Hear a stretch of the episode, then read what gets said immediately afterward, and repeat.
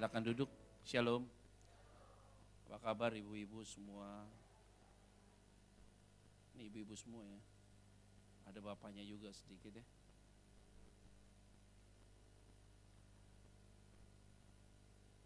Ada hal yang perlu kita bicarakan, kita renungkan itu masalah tentang sikap hati. Ya. Nah kalau bicara tentang hati ini, hati ya, susah untuk dapat dijangkau dan dimengerti gitu ya. Bahkan kita sendiri pun susah menyelami perasaan dari pasangan kita ataupun anak-anak kita. Karena memang yang tahu kedalaman hati kita hanya Tuhan. Mazmur 139 jelas ya memang. Di situ berkata bahwa ketika engkau berjalan, engkau duduk, sebelum engkau berbicara aja Tuhan sudah tahu. Karena Mazmur 139 jelas sekali kalimatnya di situ bahwa Engkau yang menenun aku, engkau yang membentuk aku, maka kejadianku dahsyat dan ajaib. Ya. Tetapi juga Tuhan memberikan apresiasi kepada orang yang hatinya tulus dan benar.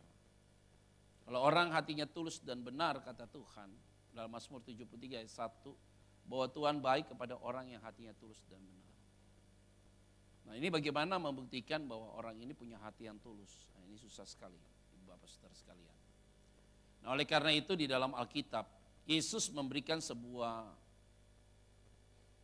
teguran yang keras kepada ahli Taurat dan orang Farisi. Dengan kata-kata yang begitu tajam sekali. Dia bilang bahwa mulutmu dan bibirmu itu memuji aku, tetapi hatimu itu jauh dari aku. Nah ternyata peristiwa itu terjadi karena murid-muridnya pada saat itu sebelum makan tidak cuci tangan. Sedangkan orang Yahudi atau ahli Taurat dan orang Farisi selalu membiasakan diri mereka sebelum makan itu harus cuci tangan. Atau mereka pergi ke pasar pulang itu harus basuh dirinya. Nah Yesus ternyata memberikan penekanan kepada kamu terlalu sibuk nih orang terlalu kepo banget gitu. Sibuk tentang urusan-urusan yang sangat teknis sekali. Maka Yesus bilang dalam Markus pasal yang ketujuh yang akan kita bahas itu. Maka Yesus berkata apa? Mulut dan bibirmu itu memuji aku tapi hatimu itu jauh dari aku. Nah ini yang menjadi satu penekanan bagi kita yang kita renungkan pada siang hari ini. Markus pasal yang ketujuh ayat 1 sampai 23 nanti kita akan fokus di ayat yang ke-6. Markus 7 ayat 1 sampai dengan 23 nanti kita fokus di ayat yang ke-6. Ayat ke-6 kita akan baca ya. Ayat ke-6 kita akan baca. Satu ayat ke-6. Satu, dua, tiga, ya.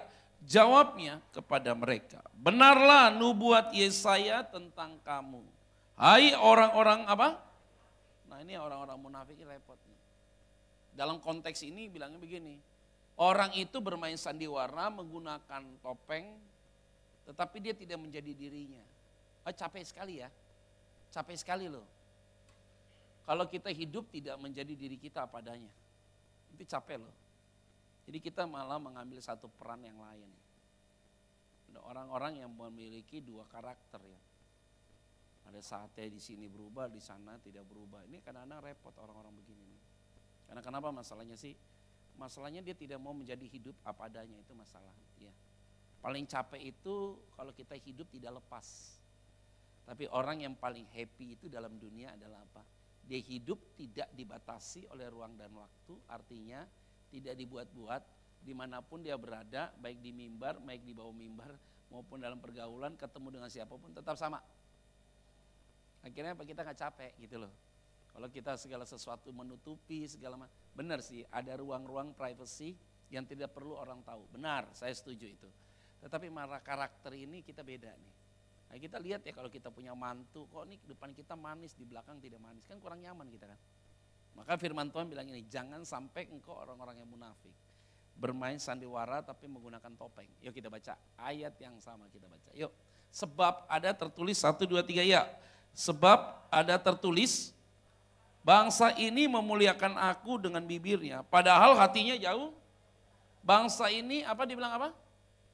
Memuliakan aku dengan bibirnya, padahal artinya apa?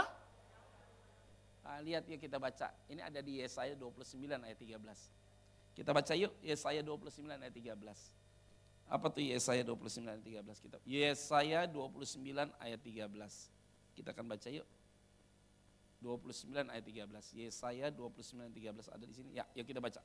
Satu, dua, nanti kita bahas, balik lagi ya mas ya. Nanti balik, bahas apa? Balik ke Markus 7. Yesaya 29 ayat 13. Satu, dua, tiga ya. Dan Tuhan telah berfirman, oleh karena bangsa ini datang mendekat dengan mulutnya dan memuliakan aku dengan bibirnya. Padahal hatinya menjauh daripada aku. Dan ibadahnya kepadaku hanyalah perintah manusia yang dia apa? Nah ini bahaya nih. Segala sesuatu yang sudah dilakukan secara rutin, lama-lama nggak ada rasa hati lagi di situ.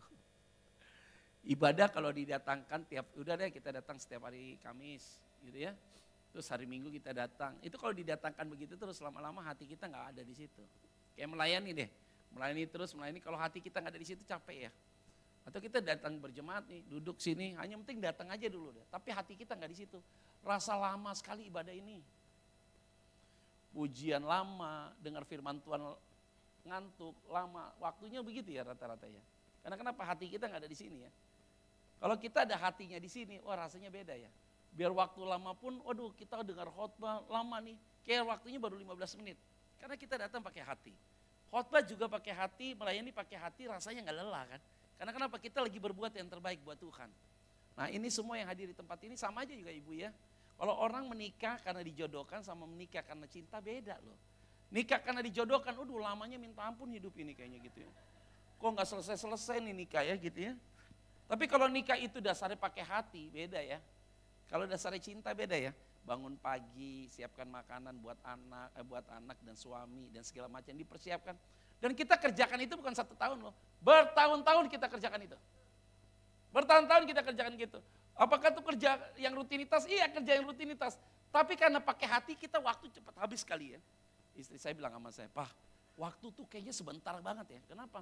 Bangun pagi, urus anak, mengantar ke sekolah, nanti pulang, mandikan dia, kasih makan siang, nganterin les, pulang lagi, ketemu malam lagi, begitu. Kayak waktu cepat sekali. Karena pakai hati. Coba kalau nggak pakai hati, Aduh, ini repot banget sih urus anak begini nih. Tapi tuh anak dari bayi sampai hari ini ada bersama dengan dia dan ada bersama dengan saya. Kalau orang pakai hati, mengerjakannya jadi beda. Kayak kita masak lah. Masak kalau hati kita nggak enak, pasti makanan juga pasti nggak enak. Saya lah. Ayo bu, masak bu. Suami mau makan nih, saking kesel sama suami masak makan aja lu makan. Masak nasi goreng rasanya jadi nggak enak tuh pasti itu. Saya rumah di Serpong kan, di depan rumah kami itu di kompleks kami itu depannya ada satu enci punya satu restoran sih. Restorannya ini tanpa mecin ya, tanpa MSG gitu ya. Nah, saya datang makan di situ. Seluruh makanan yang dia jual itu enak sekali ya. Mau lontong sayurnya, ikan cakalangnya, oh semuanya enak lah gitu ya.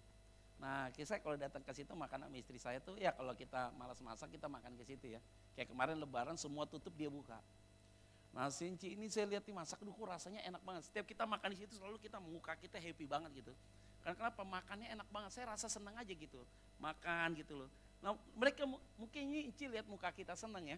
Ditambah terus lauk ya sama dia. Ini Pak Pendeta, dia tahu saya pendeta ini Pak ada ikan yang enak gitu. Udah Ci, udah cukup. Nggak usah Pak, kalau saya yang tambah ini, ini gratis. Saya seneng lihat Bapak mukanya ceria. Jadi setiap saya datang ke sini, saya makan muka ceria terus loh saudara. Itu supaya dia dapat tambahan-tambahan yang itu tuh tadi tuh. Nah, saya tanya, Ci, kenapa? Iya Pak, anak saya sekolahkan di Bali Pak, sekolah pilot, habis 1M sampai 2M Pak. Oh gitu ya?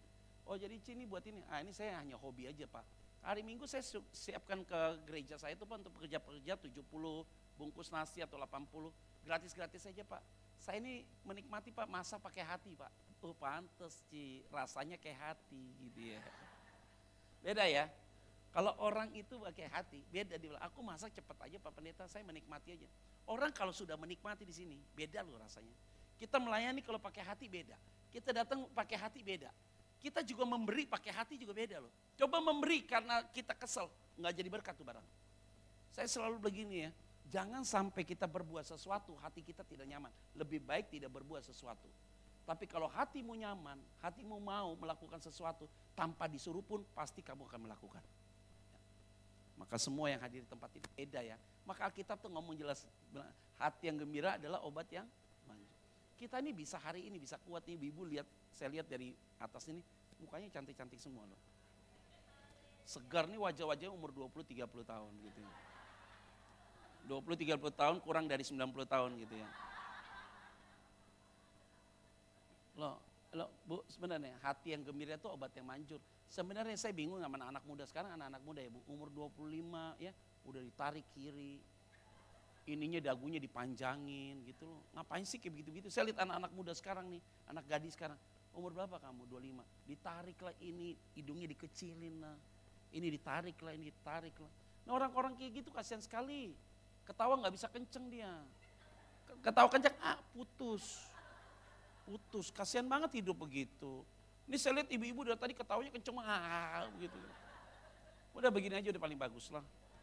Orang hati yang gembira itu, hati yang gembira adalah obat yang manjur. Tapi kalimatnya apa? Ada di Amsal dibilangnya, hati yang gembira membuat mukamu berseri-seri. Semangat yang patah mengeringkan tua. Tapi kalimat yang lain, semangat yang patah membuat hidup tidak bersemangat. Lihat ya, kalau kita hati kita gembira, beda rasanya. Datang ibadah gembira, ya kan? Memberi juga gembira, melayani juga gembira. Kalau ininya benar enak, nggak dihafalkan. Makanya Yesus bilang apa? Eh mulutmu itu memuji aku ya. Bibirmu tuh dekat sama aku, tapi hatimu itu jauh dari aku. Kita ini nggak bisa sembunyi di hadapan Tuhan. Kita mau ngomong menyembah Tuhan udah nggak penting lah. Bagi saya bagaimana hidup kita keluar dari tempat ini jadi berkat bagi banyak orang. Ada amin nggak? Jadi ternyata ibadah itu bukan masalah hari Kamis, hari Minggu, bukan. Ibadah itu adalah kita keluar, pulang sampai di rumah, urus suami dengan baik, ibadah. Urus anak dengan baik, ibadah. Melakukan komunikasi dengan orang lain baik, ibadah. Maka hari ini semua yang ada di tempat ini, yang paling penting bukan bahasa rohani. Yang paling penting sikap yang rohani. Yang paling penting bukan masalah omongan yang lebih pintar. Tapi keluar dari tempat ini hidup kita pasti berdampak bagi banyak orang. Ini pembantu saya di rumah kan agamanya beda ya jadi kerja sama kita ya. Kita tiap hari ya juga kita menikmatilah apa yang dia sudah buat dalam rumah kita ya. Nah, baru ini ulang tahun. Anak saya telepon saya, papi ada di mana? Eh kita mampir harvest sih, Kok cake itu harvest. Oh ya udah, oke. Okay. Untuk apa kak? Aku mau beli cake birthday. Untuk apa? Mbak, surprise party. Ya karena ini anak-anak saya tuh bilang begini, ini anak saya ini bilang begini sama saya. Pak, kita kan udah beberapa kali dapat pembantu ya Pak, iya. Pembantu kan tuh biasanya di awal kan semangat ya Pak. Di awal-awal satu minggu, dua minggu pertama semangat. Minggu ketiga biasanya kualitasnya turun dia. Jadi kerjanya udah mulai lupa. Waduh, kalau pertama kali kerja debu di sini dibersihin sama dia. Kalau bisa pakai odol lo dibersihin semua. Pakai sikat gigi gitu.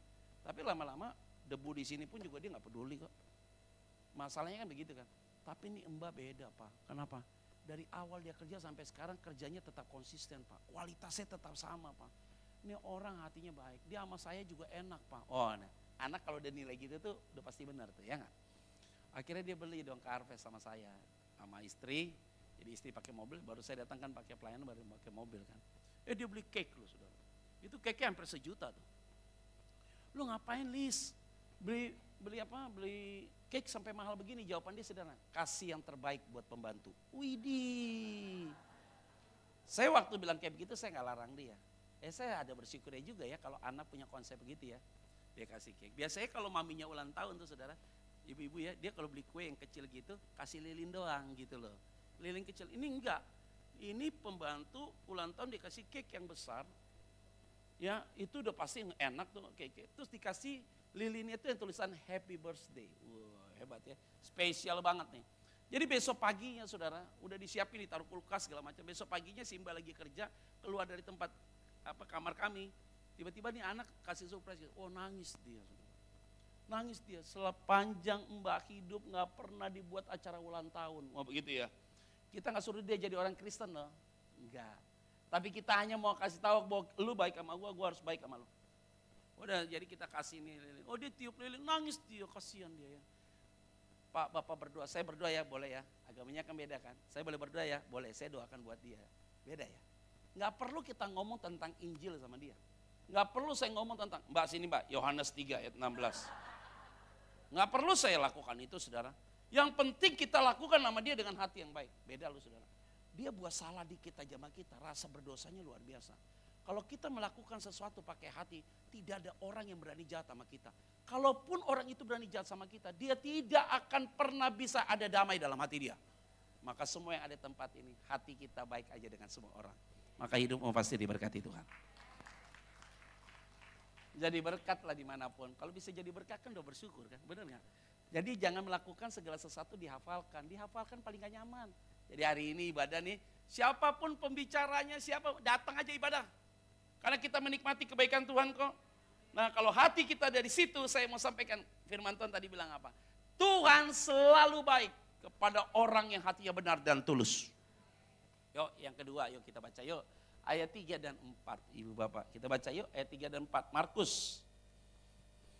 Ayat 3 dan 4 kita akan baca ya. Satu, dua, tiga. Ya, sebab orang-orang Farisi seperti orang-orang Yahudi lainnya tidak makan kalau tidak apa? Melakukan pembasuhan tangan lebih karena mereka berpegang pada adat istiadat nenek moyang mereka. Jadi mereka ini sibuk masalah adat saja ya. Jadi mereka kenapa harus cuci tangan? Sebelum makan karena ikutin adat istiadat. Lihat ya ayat yang keempat kita akan baca. Satu, dua, tiga, iya. Dan kalau pulang dari pasar, mereka juga tidak makan kalau tidak lebih dahulu membersihkan dirinya. Banyak warisan lain lagi yang mereka pegang, umpamanya hal mencuci cawan, kendi, dan perkakas-perkakas apa? Hati-hati ya. Adat itu baik. Tapi kalau adat itu menabrak firman Tuhan, itu jadi tidak baik. Lihat baik-baik ya. Contoh, kita punya anak empat orang. Anak pertama laki, anak kedua laki, anak ketiga perempuan, anak keempat perempuan. Anak ketiga perempuan udah punya pacar. Anak keempat perempuan udah punya pacar. Udah pacarannya yang anak ketiga tiga tahun, yang ini anak pertama, keempat satu tahun. Anak pertama dan kedua yang laki ini belum punya pacar. Tiba-tiba yang anak perempuan ini, yang ketiga ini mau dilamar. Mau diajak nikah. Waktunya udah cukup, umurnya udah cukup 24 tahun, 25 tahun. Yang ini umurnya 35 belum dapat jodoh-jodoh nih. Orang tuanya bilang apa? Jangan nikah dulu sayang, karena kakak-kakakmu belum menikah. Loh kalau kakaknya nggak nikah-nikah, dia nggak nikah sampai Yesus datang kedua kali. Ini rusak banget nih. Punya anak laki, punya anak perempuan. Yang dikasih warisan anak laki, anak perempuan nggak dipedulikan. Masalah serius lagi ntar. Ini adat kadang-kadang bikin kita rusak nih. Makanya semua yang hadir dalam ruangan ini ya, baik-baik nih. Yesus itu ada di atas adat. Contohnya kapan? Dia menyembuhkan orang pada hari sabat. Yesus itu mengikuti adat. Contohnya apa? Dia disunat pada hari yang ke-8. Yesus itu tidak menolak adat, tapi membuat transformasi terhadap adat. Waktu kapan? Perempuan didapati berzina, Yesus bilang, siapa yang tidak berdosa lempar batu kepada perempuan ini. Dia membuat transformasi supaya ada perubahan. Tapi Yesus tidak pernah ada di bawah adat. Hati-hati loh. Hidup kita hari ini harus pegangnya firman Tuhan. Jangan pegang aturan main manusia. Karena firman Tuhan lebih penting dari aturan manusia. Amin gak nih? Ada orang tanya sama saya, Pak Pendeta, bagaimana Pak kalau orang mati dikremasi? Terus ada masalah apa? Gereja-gereja tertentu tidak boleh. GBI tidak boleh melakukan kremasi. Ada gereja-gereja tertentu tidak boleh. Eh kita kembali ke Alkitab deh. Ini dogma nih. Alkitab ngomong apa? Lihat baik-baik ya. Kalau mau jujur-jujur, kita ini semua nguburin orang semua. Semua aturan mainnya sudah ditabrak. Kalau mau ikut Alkitab apa? Dari tanah kembali ke tanah. Ayo orang dikubur di San Diego. San Diego di situ kuburannya sudah dicor kan. Benar nggak? Pakai peti nggak kita? Terus kalau kita lempar tanah jatuhnya ke mana? Beton kan? Jadi dari tanah turun ke mana? Beton. Udah nggak alkitabiah, gugur dengan sendirinya. Kalau mau lihat, mau alkitabiah, mau serius nih seperti apa? Orang muslim udah paling benar tuh. Pocongnya dibuka, masuk tuh jenazahnya taruh situ kena tanah. Udah itu paling benar begitu. Tapi Alkitab bilang apa? Tidak penting masalah itu. Masalah kubur orang mati urusan orang mati, orang hidup sama orang hidup. Kita nggak penting masalah kayak gitu. Karena kenapa? Pak, nanti kalau dikremasi dia bisa bangkit gak? Kok repot amat sih? Tuhan itu menciptakan dari yang tidak ada menjadi ada. Dunia ini tidak ada, dijadikan oleh Tuhan. Apalagi itu orang pernah ada, terlalu gampang. Kalau dia pernah ada, mau dikremasi, mau di ikan paus, mau dalam bentuk apa pun. Kalau sudah waktunya dibangkitkan, dibangkitkan. Selesai. Ada amin nggak? Tapi ingat baik-baik, masalah kremasi itu saya bilang tidak prinsip dan bisa prinsip tidak juga. Kenapa begini? Saya kasih tahu ya. Ini masalah serius atau tidak serius? Contoh nih. Mertua saya yang laki sebelum meninggal bilang begini. Saya nggak mau dikubur, saya mau dikremasi. Kata dia nih, mertua saya bilang yang berlaki. Karena mertua saya orang Tionghoa ya, Surabaya Tionghoa. Saya nggak mau dikubur, saya maunya dikremasi. Saya nggak mau bikin susah orang dan saya tidak mau disembah-sembah orang. Siapa yang mau nyembah dia? Oke nih, meninggal dia nih. Wejangan dia itu diomongin ke istrinya, ke kita, saya mantu, ke anak-anaknya. Pas dia meninggal, kita ambil keputusan lagi dong. Ma bagaimana ma? Kan istrinya kan. Istrinya bilang apa? Papa minta dikremasi, kalau mama nggak mau. Jadi tetaplah dia minta dikubur, aku minta dikubur. Anak-anak bagaimana? Kubur semua. Ya udah kita kubur, nggak mungkin dia protes lagi. Jangan dia mau ikut apa ya kalau seandainya semuanya nggak mau bilang apa. Yang meninggal itu minta dikremasi, tapi kalau keluarga yang ditinggalkan itu nggak mau mau ngapain? Kalau orang sudah mati, udah nggak usah ditatatin, udah selesai urusannya. Mati, udah mati. Karena rohnya hidup untuk selamanya. Tubuhnya habis, rohnya hidup untuk selamanya. Mau dikremasi, mau dikubur, nggak pusing lagi. Yang penting firman Tuhan bilang apa? Ketika engkau hidup before, sebelum kematian. Engkau percaya kepada Kristus dan kebangkitannya. Walaupun kau mati, tapi engkau hidup untuk selamanya. Ini bukan bicara tentang physically, tapi ini bicara tentang spiritual. Maka rohmu hidup untuk selamanya. Tubuhmu bisa dibunuh, tapi rohmu tidak bisa dibunuh. Karena rohmu itu hidup untuk selamanya.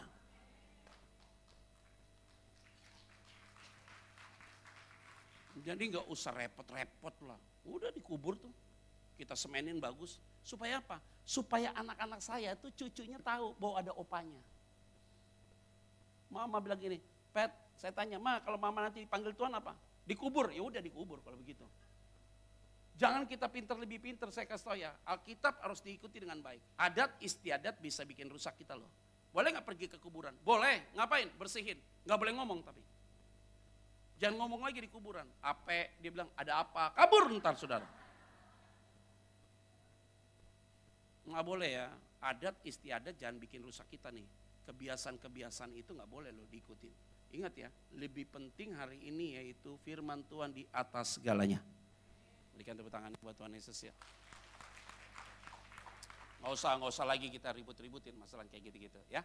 Kita lihat yuk ayat yang kelima, kita akan baca yuk. Ayat kelima. Ini nih. Ayat kelima. Satu, dua, tiga. Ya, karena itu orang-orang Farisi dan ahli-ahli Taurat itu bertanya kepadanya. Mengapa murid-muridmu tidak hidup menurut adat istiadat nenek moyang kita? Tetapi makan dengan apa? Sekali lagi yuk ayat yang kelima kita baca pelan-pelan. Satu, dua, tiga, ya. Karena itu orang-orang Farisi dan ahli Taurat itu bertanya kepadanya. Mengapa murid-muridmu tidak hidup menurut adat istiadat nenek moyang kita, tetapi makan dengan apa? Yang ketiga, orang itu kalau hatinya nggak benar, saya kasih tahu, selalu menilai hidupnya lebih baik daripada orang lain. Kenapa sih murid-muridmu tidak makan sebelum makan tuh nggak cuci tangan, nggak seperti kami. Kan mereka najis tuh, merasa diri paling benar. Maka Yesus bilang apa? Mulutmu itu memuji aku, bibirmu itu dekat dengan aku, tapi hatimu itu jauh sekali. Orang yang merasa diri benar dan dia memposisikan dirinya seperti Tuhan. Maka semua kita yang hadir di tempat ini jangan cepat menilai orang berdasarkan apa yang kita dengar. Lihat orang itu baru kita rasakan dia benar atau tidak. Maka semua nih yang hadir dalam ruangan ini jangan menilai orang. Karena orang yang dinilai oleh dirinya biasanya dia lebih buruk daripada orang yang dinilai. Firman Tuhan bilang apa? Jangan lihat selumbar di mata saudaramu. Keluarkan apa? Balok. Karena orang yang sering ngomongin orang lain biasanya hidupnya lebih buruk daripada orang yang dia omongin. Maka hari ini semua yang ada di tempat ini stop menilai orang lain. Hari ini lihat Tuhan, oh dia tahu yang terbaik buat saudara dan saya. Satu tahun lalu di bulan Mei kan saya operasi ya, ke Mon ini di Singapura. Saya, waktu itu saya harusnya pelayanan di sini bu ya, nggak jadi ya karena saya operasi itu. Bulan Mei ya, tahun lalu. Datang saya pergi sama istri saya ke Mon Elizabeth Novena, bukan yang di Orchard ya, tapi yang di Novena. Berdua sama istri saya, kita pergi ke dokter yang mau operasi saya nih. Nah, mereka bilang ini dokter one of the best, dokter satu satunya salah satu terbaik lah di Singapura. Kita udah ngantri nih selama tiga jam. Dokternya itu tinggi, putih, gagah, masih muda. Uh keren. Bukan masih muda, udah tua lah, mungkin 50-an gitu ya. ya beda-beda tipis lah sama saya usianya gitu ya. Nah terus kemudian istri saya langsung bilang begini sama saya. Pak, ini dokter keren, hebat nih, pasti pintar nih. Karena dia lihat dari fisiknya kali ya. Kelihatannya gagah gitu ya. Pasti ini dokter pintar nih. Kita udah ngantri tiga jam, baru saya dipanggil. Waktu saya dipanggil sama dokternya ini, saya masuk ke dalam ruangan dia. Waktu saya masuk ke dalam ruangan dia, hati saya udah gak nyaman. Kenapa? Seluruh ruangannya patung semua. Ya, langsung saya tolak dong. Hati saya rasa gak nyaman. Saya bilang, dok, oke okay, cancel ya. Apa? Saya mau pergi lunch dulu di bawah. Oh, it's okay, it's okay. Uh, take it semua ya, saya mau ambil semua data-data saya. Saya ambil data-data saya. Nah, istri saya marah sama saya, Pak, udah tunggu tiga jam loh. Kamu kenapa cancel? Gue gak nyaman sama dia. Tapi gue nyaman, gue yang operasi bukan elu. Kalau kamu yang operasi lo masuk aja, gue sih enggak. Saya lihat enggak, enggak, kenapa? Udah lama nanti gue ngomong di luar, kenapa? Gue gak nyaman hati gue. Kenapa? Ada patung-patung begitu, rasanya hati gue gak nyaman. Lagi saya turun lah cari makan sama istri saya nih. Ya, ada teman saya datang, dia juga ada di Singapura ngomong sama saya. Sakit apa pet ini? Ya ada satu dokter jago di Glen Eagle. Coba ya saya telepon ya, pasiennya padat nih. Salah satu profesor di sana. Telepon ke tuh perawatnya di sana, aduh full, oke. Tapi dokter ada operasi jam 2.30 siang. Bisa nggak Petra datang jam 2.15 on time? Karena 2.15 dia akan masuk ngomong sama dokter dikasih waktu 15 menit. Jadi 15 menit ini hanya mau nanya aja, apa pendapat dia tentang penyakit yang saya alami, gitu ya. Jadi kita bawa data-data semua, saya pergi dong ke Glen Eagle. Sampai sana itu jam 2, ya lebih 10 menit lah. Oh, kurang lebih gitu ya, lebih 10 menit. Pas saya baru duduk, dokternya keluar. Dokternya keluar, Tuhan Yesus. Kurus, pakai kacamata begini dia. Dia, dia tidak perawat yang panggil nama saya, tapi dia yang keluar sendiri, dia buka itu pintu perawatnya, dia bilang, Petra. Istri saya langsung bilang apa istri saya? Pak, ini nggak yakin nih gua nih pak. Saya bilang sama istri saya, aku itu yakin sama ini dokter, yakin. Petra. Ayo dok, oke. Okay. Oke, okay, come on. Masuk saya masuk ke dalam. Pas saya masuk ke dalam ruangannya semua salib. Waktu itu hati saya udah damai dong. Tapi istri saya tetap nggak yakin lihat wajah dia. Kenapa? Apa yang dia lihat itu tidak sesuai dengan apa yang dia mau. Kan? Karena ada perbandingan tuh dari dokter di itu. Kan saya bilang, lu ikutin aja laki lu mau apa. Masalahnya kan lu penolong istri gua. Lu ikutin gua ke kiri, ya lu ikut ke kiri, bos.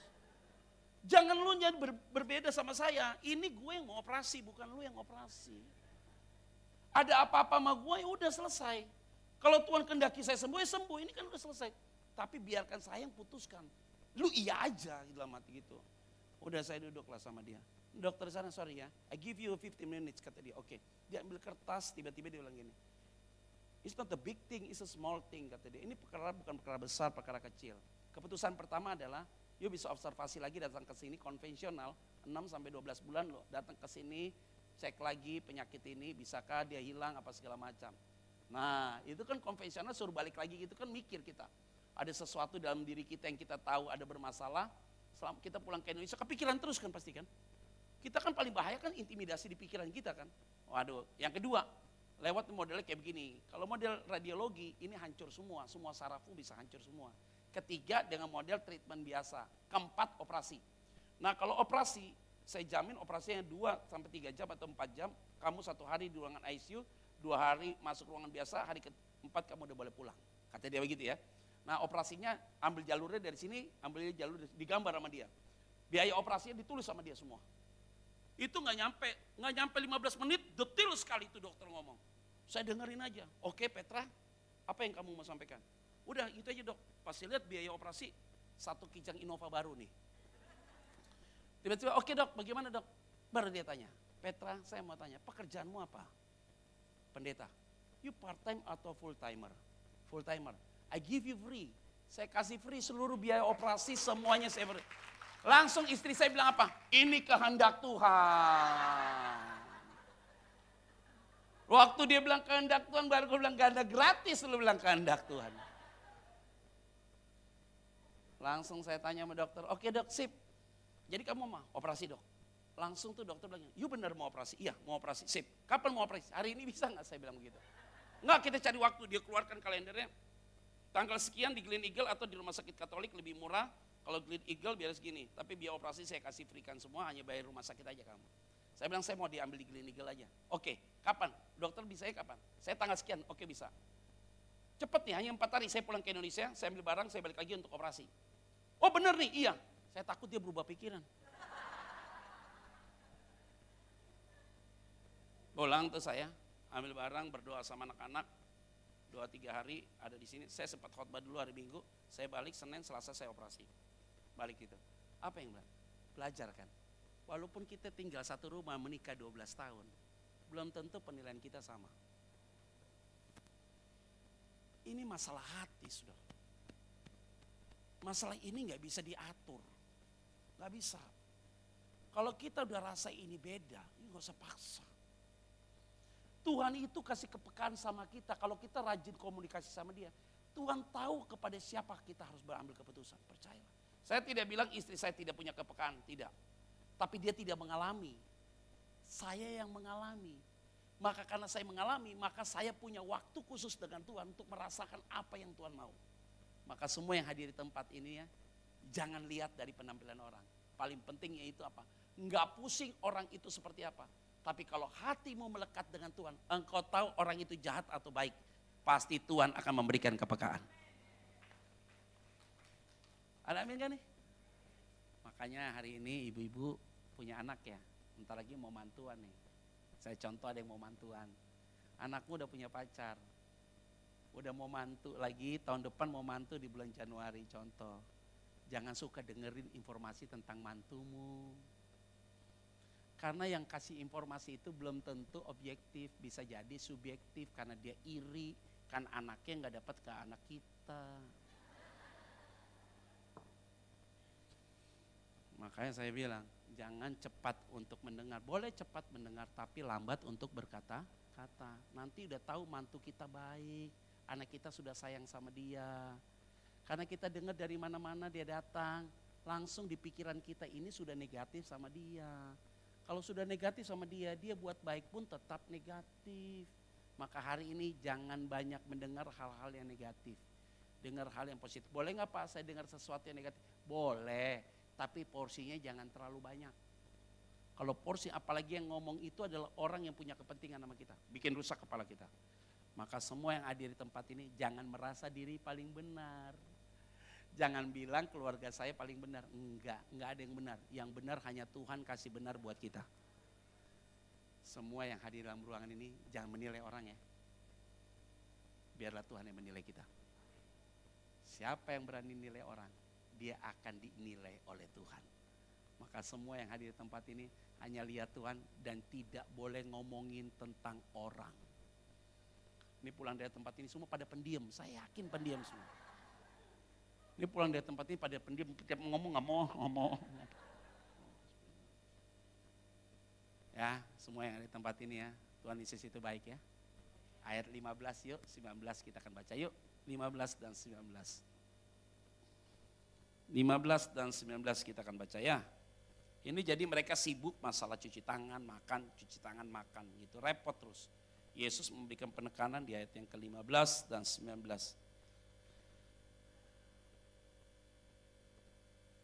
Dari 14 dulu deh kita baca ya. 14, 15 supaya tahu ceritanya ya. 14 dan 15 kita akan baca yuk. Satu, dua, tiga, ya. Lalu Yesus memanggil lagi orang banyak dan berkata kepada mereka, kamu semua dengarlah kepadaku dan camkanlah apa pun yang dari luar yang masuk ke dalam apa? Seseorang tidak dapat menajiskannya, tetapi apa yang keluar dari seseorang itu yang apa? Jadi Yesus bilang, apa yang masuk ke dalam seseorang tidak akan apa?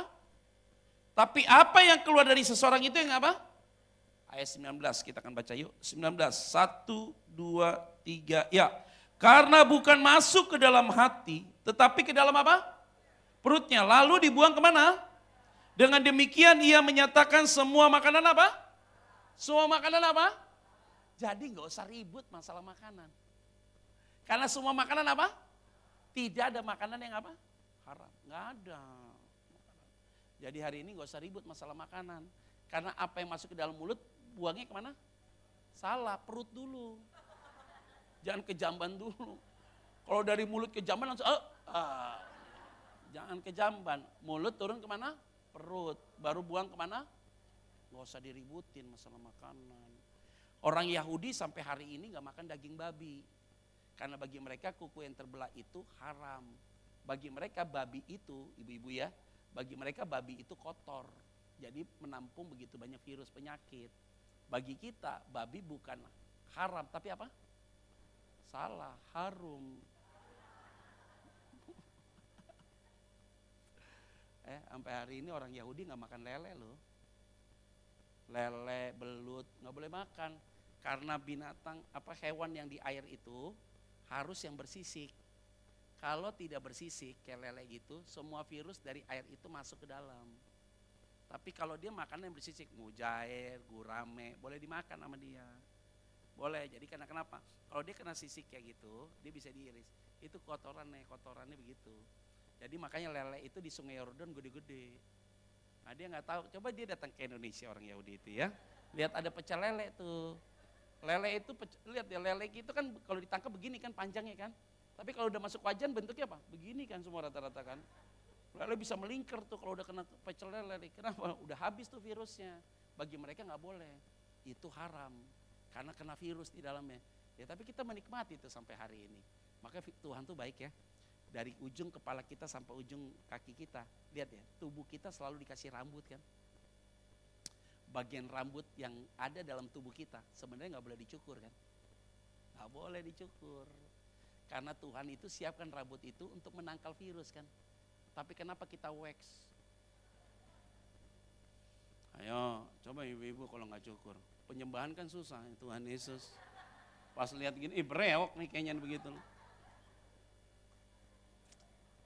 Semua nggak boleh. Makanya lihat ya, anak-anak gadis sekarang wax wax waxing di waxing semua banyaknya kena cancer cervix.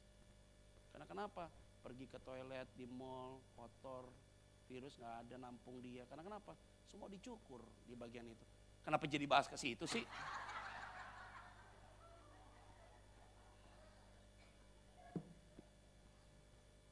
Ya, semua yang hadir dalam ruangan ini ya, semua makanan itu apa? Jadi nggak usah ribut masalah apa? Makanan. Masalahnya begini, boleh nggak makan kucing? Boleh. Yang bilang nggak boleh siapa? Boleh makan kucing. Boleh nggak makan kucing? Boleh. Masalahnya kata Paulus berguna atau tidak berguna. Makan kucing boleh? Boleh. Berguna nggak? Bagi saya nggak berguna. Tapi orang bilang berguna pak untuk apa? Meong. Mana bisa begitu. Boleh nggak pak makan tikus? Lo orang Manado makan tikus yang ada di yang ada di apa? Bukan di hutan, untuk makan buah tuh. Ya boleh aja. Masalahnya berguna atau tidak berguna. Bagi saya nggak berguna, saya nggak mau makan. Jadi makanlah sesuai dengan apa yang kita mau. Jangan bilang makanan itu haram. Tidak, makanan halal. Masalahnya berguna atau tidak berguna. Bagi saya nggak berguna, ngapain saya makan? Nah kita ribut masalah makanan mahal, makanan murah. Saya diajak makan sama jemaat di satu restoran. Selesai makan, Pak kita makan habis ini Pak berempat habis 19 juta. Gue udah mau muntahin lagi loh makan habis 19 juta untuk apa? Ada makanan pembuka, makanan ini segala macam. Oh ini enak nih Pak, ini supnya aja nih Pak, kurang lebih satu juta setengah nih Pak. Saya mau muntahin aja tuh barang. Karena makanan mahal itu juga bagi saya nggak ada bedanya juga di mulut. Nggak ada kan setiap makanan mahal masuk mahal. Nggak pernah ada begitu. Emang ada setiap makanan mahal masuk ke dalam mulut, turun ke perut, langsung ada pembedaan. Ah ini makanan mahal pindah ke kanan lah perutnya. Ah makan apa gado-gado? Kiri lu kiri, kiri, kiri. Nggak ada. Semua makanan masuk ke dalam apa? Perut. Buangnya ke mana? Nggak usah dibahas. Orang ribut masalah makanan pasti hatinya rakus. Tapi orang yang tidak pernah ribut masalah makanan, dia tahu masalah makanan itu hanya pelengkap. Yang penting ucapan syukur diributin sama orang Yahudi, cuci tangan dulu, baru makan. Nggak boleh makan ini. Allah bilang apa? Semua kamu boleh makan halal kok. Yang bilang Allah halal itu, kalau Allah bilang halal, kamu jangan bilang haram. Karena Petrus pernah bilang, nggak boleh dong ini kan makanan haram. Petrus, yuk makan aja. Kalau Allah bilang halal, kamu harus makan. Jangan bilang kamu haram. Artinya apa? Semua yang ada dalam hidup ini halal diberikan sama Tuhan. Masalahnya berguna atau tidak berguna. Saudara makan daging babi, temanmu tidak makan daging babi, jangan makan depan dia. Supaya tidak jadi batu sandungan. Pak, tapi kan saya mau makan pak. Jangan juga, ditahan aja. Itu berarti dia jadi batu sandungan pak buat saya. Nggak bisa begitu. Daripada ribut masalah makan, kita udah mau makan daging babi, dia nggak makan. Dia lihat muka kita nggak enak. Udah, berhenti makannya, dagingnya disimpan, bungkus bawa pulang ke rumah. Ada ikan nggak? Ada makan ikan supaya dia tidak jadi batu sandungan buat kita, kita tidak jadi batu sandungan buat dia. Jangan gara-gara makanan kita ribut. Maka semua yang ada di tempat ini, hal teknis nggak usah diributin. Yang paling penting adalah prinsip. Yang setuju katakan. Yuk udah terakhir 20, 21, 22, 23. Yuk udah pulang. Nggak terasa ya? Karena datangnya pakai hati. Khotbahnya pakai hati. Jadi temanya apa? hati. Nanti pulang dari tempat ini makan apa? Hati. Bayarnya pakai apa? Hati. Oh Tuhan Yesus tolong ya. Yuk kita baca yuk ayat 20. 20 kita baca yuk. Satu, dua, tiga. Ya, katanya lagi, apa yang keluar dari seseorang, itulah yang menajiskannya. Sebab dari dalam, dari hati orang, timbul segala pikiran jahat. Percabulan, pencurian, pembunuhan, perzinahan, keserakahan, kejahatan, kelicikan, hawa nafsu, iri hati, hujat, kesombongan, kebebalan. Ayat 23, semua hal-hal jahat ini timbul dari dalam dan menajiskan apa? Dan menajiskan apa? Jadi yang paling penting adalah bukan apa yang masuk ke dalam mulutmu, karena apa yang masuk ke dalam mulutmu itu turun ke mana? Perut dan buangnya ke mana? Yang paling bahaya adalah apa yang keluar dari mulutmu. Yang menajiskan apa? Orang. Setiap iri hati, kesombongan, perzinahan, perselingkuhan, percabulan, hal-hal yang jahat itu muncul dari hatimu. Maka semua yang hadir dalam ruangan ini bergaul dengan orang-orang yang punya hati baik, maka hidupmu memiliki hidup yang baik. Apa sih sederhana ya? Bangun pagi dengarkan lagu rohani dong di rumah setel lagu rohani biasakan ya masuk ke mobil dengarkan lagu rohani. Beda suasananya. Anak-anak kita juga beda. Itu pembantu saya di rumah itu tiap hari itu dengarkan lagu rohani itu bilang amanah saya yang paling sulung Kalista. Mbak seneng deh tuh lagu itu. Apa? Aku percaya Tuhanku dahsyat oh, dia tulis tuh lagunya. Dia seneng ya. Sejadi berkat tuh lagu ya. Ditulis sama dia. Dia seneng. Udah puji Tuhan kok. Kalau dia bisa dengar itu jadi berkat dong buat dia dong. Ya kan Oke senang. Nah kalau anak-anak kita, kalau kita dengarkan lagu-lagu rohani, lagu-lagu yang positif, pasti saya yakin dan percaya, hidup kita di mana pun pasti jadi warna buat banyak orang. Kalau nggak jadi repot, coba anak-anak kita. Pagi-pagi kita dengar lagu lagu yang keras semua, rock gitu. Wow, wow, wow, wow, wow. Itu anak bangun tidur pada gue yang geleng kepala semua. Ya makanya saya bilang ya, lihat deh, kalau kita selalu ngomong negatif di dalam rumah, anak kita pasti selalu ngomong negatif semua dikit-dikit komplain. Apa-apa ngomong komplain. Ini kenapa begini sih mbak, ini kenapa begini sih supir. Lama-lama komplain terus, anak-anak juga nanti akan tiru segala sesuatu jadi komplain. Hari ini kita bergaul dengan orang-orang yang selalu bicara yang positif, yang selalu mengucap syukur supaya hidup kita berdampak bagi banyak orang. Saya lihat di infotainment ada satu artis ya, cakrakan ya dia pergi ke psikiater karena depresi. Terus psikiaternya bilang apa sama dia? Kamu tahu nggak depresi kenapa? Karena lagu-lagumu semua itu kontennya negatif. Karena ini artis sering nyanyi lagu-lagu tentang patah hati, ditinggal. Kan ada lagunya dia ngetop dulu tuh. Lagu apa sih itu? Ku berlari, kau terdiam. Ku berlari, lari terus gitu loh nggak ke mana-mana. Berlari kau terdiam gitu ya. Lagu-lagunya patah hati semua negatif. Akhirnya masuk ke perasaan dia. Stres dia, depresi. Rasanya mau bunuh diri. Dokter bilang apa? Untuk apa you punya uang banyak? Tapi kamu gitu. Lebih baik hari ini lagumu rubah jadi konten positif. Kalau lagumu positif, jiwamu pasti tertolong. Lihat ya, ibu-ibu dulu main di, di kompleks apa di lingkungan ini bagus. Pulang bahasa kita rohani ya nggak? Eh tiba-tiba nggak mau ikut persekutuan ini lagi, ikut dengan kumpulan yang lain, ibu-ibu yang lain. Ibu-ibu yang lain tiap hari ngomongin uang, uang, uang, Taruh duit satu juta, pasti beranak jadi lima juta. Mana ada sih begitu, bingung saya. Taruh duit dia 10 juta, pasti nanti bunganya dapat 6 juta. Mana ada sih begitu hidup? Saya bingung, ada orang yang nawarin tuh, Pak, bisa nggak Pak? Taruh duit Pak di sini Pak, berapa? 15 ribu dolar Pak. Nah, terus bunganya bagaimana? Oh bunganya bisa dapat 10 ribu. Gila ini dari mana duitnya? Waduh orang itu saya kasih tau ya. Hati-hati kalau udah ini kita nggak benar. Ini nggak benar. Hati yang rakus gampang ditipu sama orang. Kalau orang hatinya nggak rakus dia tidak akan pernah percaya dengan yang model kayak begitu. Maka saya bilang ini, ini hati harus benar dulu nih. Maka keluar dari tempat ini, udahlah tetap bergaul di tempat ini terus nih. Nih kalau khotbah begini kan semua rasa, rasanya mau masih lama di sini kan? Iya jangan, duduk soalnya, saya berdiri terus dari tadi. Semua yang ada di dalam ruangan ini kita menikmati kebaikan Tuhan ya. Kalau kita rasakan kebaikan Tuhan, hati kita dari situ rasanya ibadah nih kayak sebentar banget ya. Tapi waktu kita terus berjalan ya enggak? Kita bisa menikmati kebaikan Tuhan. Nah semua yang hadir dalam ruangan ini jaga hati kita. Jangan ada yang terluka, hati yang dendam, luka-luka batin harus dibuang supaya hidup kita diberkati Tuhan. Ingat ya, walaupun usia 60 tahun, 70 tahun, muka tetap 40. Ya minimum kalau 60 tahun tetap 60 tahun lah mukanya gitu loh. Ya, hati yang gembira adalah obat yang manjur. Ya hari ini kita tersenyum terus ya, tapi jangan senyum terus. Ya, menikmati kebaikan Tuhan ya.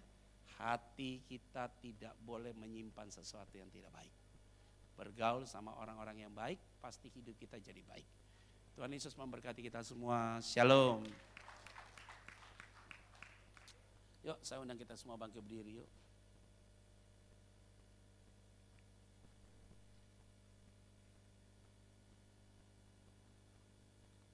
Semua dalam sikap doa, kita angkat pujian yuk. Selidiki aku, lihat hatiku. Kau baik.